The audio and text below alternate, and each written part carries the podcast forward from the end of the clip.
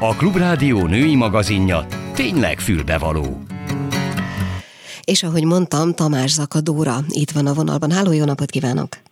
Jó napot kívánok! Köszöntöm, nagyon örülök, és az imént mondtam is a hallgatóknak, hogy írt egy nagyszerű cikket ezzel a témával kapcsolatban. Nyilván most azt a cikket teljes mértékben nem fogjuk tudni fölidézni, de egy picit próbáljunk meg beszélgetni arról, illetve bizonyos pontjaim végigmenni, akár annak a cikknek is, hogy mi lehet az oka annak, hogy benne maradunk nem, vagy nem jól működő párkapcsolatokban, és én az elején próbáltam valami olyasmit is mondani, hogy vajon látjuk-e, van-e tisztán látásunk abban a pillanatban, amikor benne vagyunk egy ilyen helyzetben. Tudjuk-e, hogy ez nem jó? Uh-huh.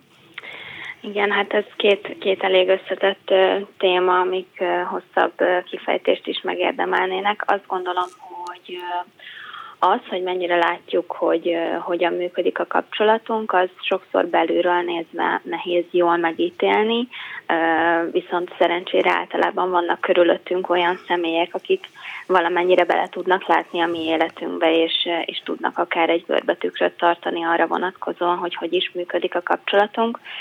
Ugyanakkor én azt látom, hogy az emberek egyre tudatosabbak abban, hogy reflektálnak arra, hogy hogy is érzik magukat, és és ezáltal egyre hamarabb el tudnak jön, jutni arra a pontra, hogy mondjuk ki tudják mondani, hogy nekem itt most valamilyen szükségletem nem tud kielégülni, valamiért nem érzem magamat biztonságban, nem, nem tudnak megvalósulni azok a vágyak, amiket én szeretnék egy kapcsolattól, és akkor ilyenkor lehet eljutni akár arra, arra a döntésre, hogy, hogy szakítunk, hogy szétmedünk, mégis vannak olyan dolgok, amik miatt gyakran benn maradunk, és akkor egy kicsit át vágnék itt a másik témára. Igen.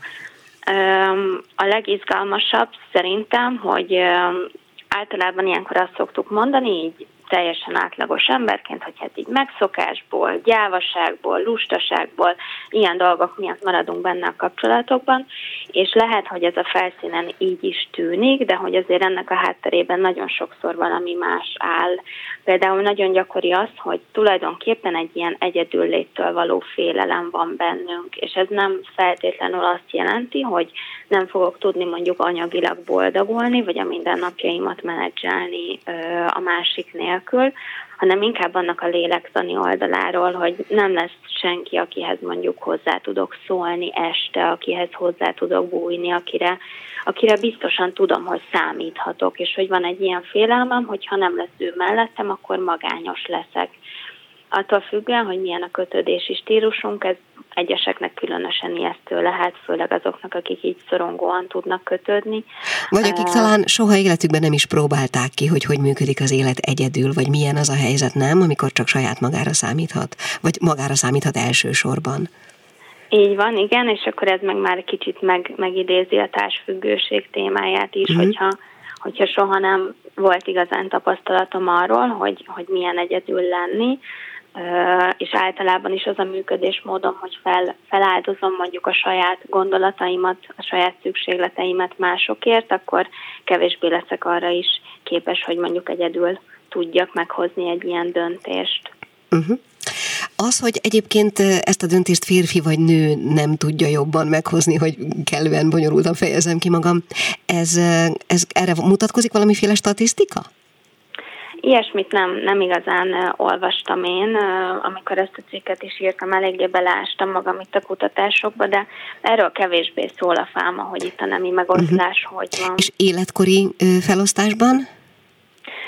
Mm, hát arról sem igazán van. Leginkább mostanában azt kutatják, hogy hogyan vannak jelen egyrészt a hiedelmeink, másrészt mondjuk így a, akár az, hogy mennyire vagyunk proszociálisak, vagy így altruisták másokkal szemben. Szóval, hogy mondjuk az, amikor én azt mondom, hogy hogy igen, szakítsunk, akkor mondjuk előtte mennyire mérlegelem azt, hogy az én döntésem az hogyan hat másokra. Szóval inkább így a döntés pszichológia az, ami érdeklődött így az elmúlt néhány évben a téma iránt. És akkor innentől nézve meg már az, hogy én szakítok-e valakivel, az sokkal inkább arról szól, hogy mondjuk az én én képemben mennyire lehet benne az, hogy én mondjuk önző vagyok, és kilépek egy kapcsolatból, ami nem jó nekem, vagy mennyire vagyok inkább egy proszociális valaki, aki minden áron benne marad, csak hogy ne okozzon fájdalmat a másiknak. Uh-huh. Tehát, hogy ez mennyire fér bele az én képembe, ez egy nagyon érdekes kérdés, erről már, vagy ennek kapcsán, vagy hasonló témák kapcsán már sokat beszélgettünk itt ebben a műsorban is, meg másikban is. E, és az például a, az a fajta játék, vagy játszma, vagy nem is tudom, minek kéne tekinteni, amikor az ember maga szakítani nem mer, de oda juttatja a helyzetet, hogy a másiknak szakítania kelljen, Uh-huh.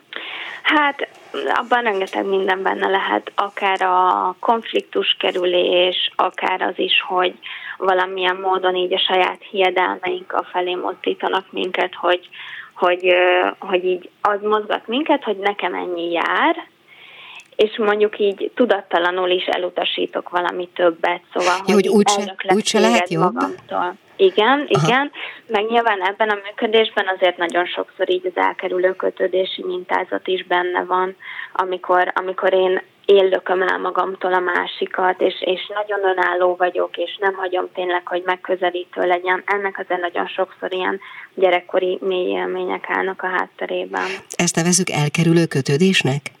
Igen. Egy nagyon picivel bővebben kifejteni, tényleg csak röviden? Már, hogy mit mhm. jelent a fogalom maga?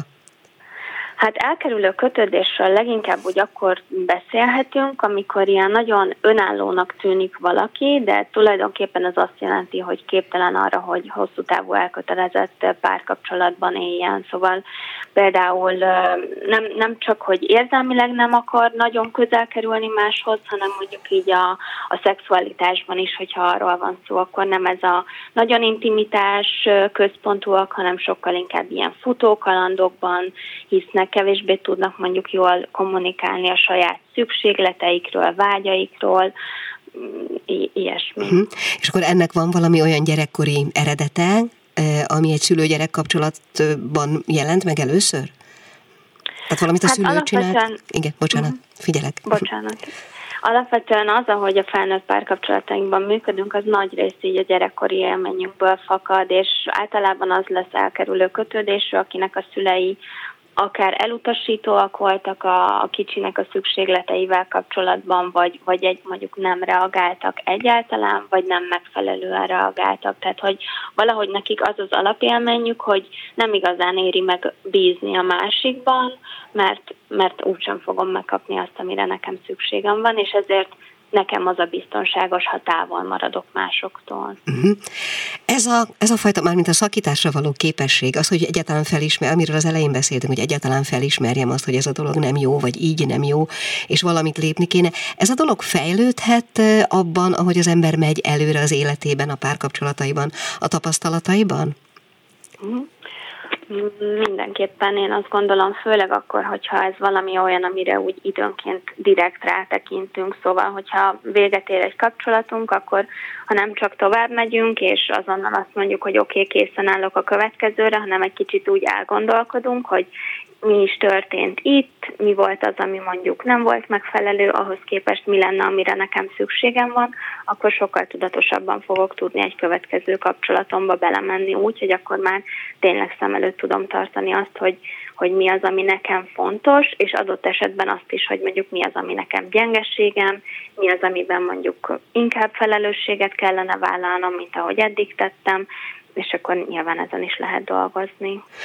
Utolsó kérdés, nyilván nem kilóra mérhető, vagy centire, vagy akár percre, de mégis mennyi az az idő, amennyi mondjuk egy ilyen szakítás feldolgozásához és egy tiszta papír alapú új kapcsolat kezdéséhez kell? Uh-huh.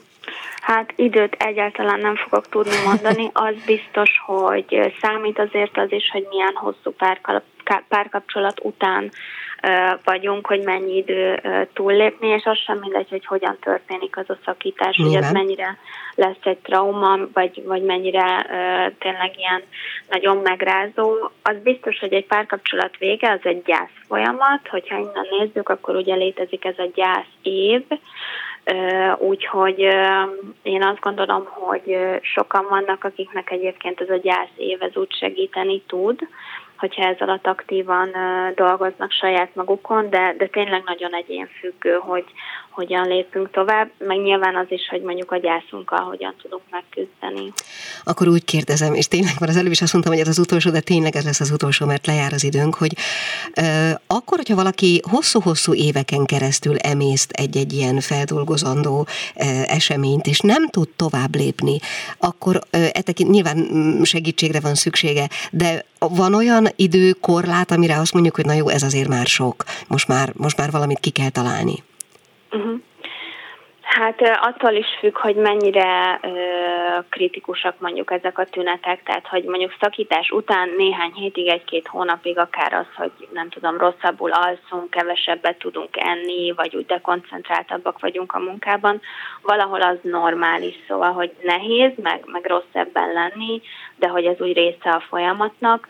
Nyilván, hogyha ez mondjuk hosszabb ideig fennáll, akár egy-két hónapon túl is, akkor az már valami olyan, amit, amit érdemes lehet külső segítséggel egy kicsit dolgozni rajta. Na jó, hát akkor nyilván ez mindegyik olyan kérdés volt, amiről még másfél órát lehetne darabonként beszélgetni, és talán egyszer meg is ejtjük, ha erre önvevő és szívesen bejönne hozzánk, mert nyilván ez egy személyes beszélgetést igényelne, és hosszabb időt. Minden esetre most ennyit tudtunk róla szólni. Tamás Zakadóra pszichológus volt a vendégünk. Köszönöm szépen, hogy rendelkezésre állt. Viszont hallásra. Én is köszönöm, viszont hallásra. Mi kell a nőnek? Egy fülbevaló. És akkor most egy olyan fogalomról fogunk beszélgetni, ami mostanában elég gyakran előtérbe kerül, de mégis szerintem sokak számára magyarázat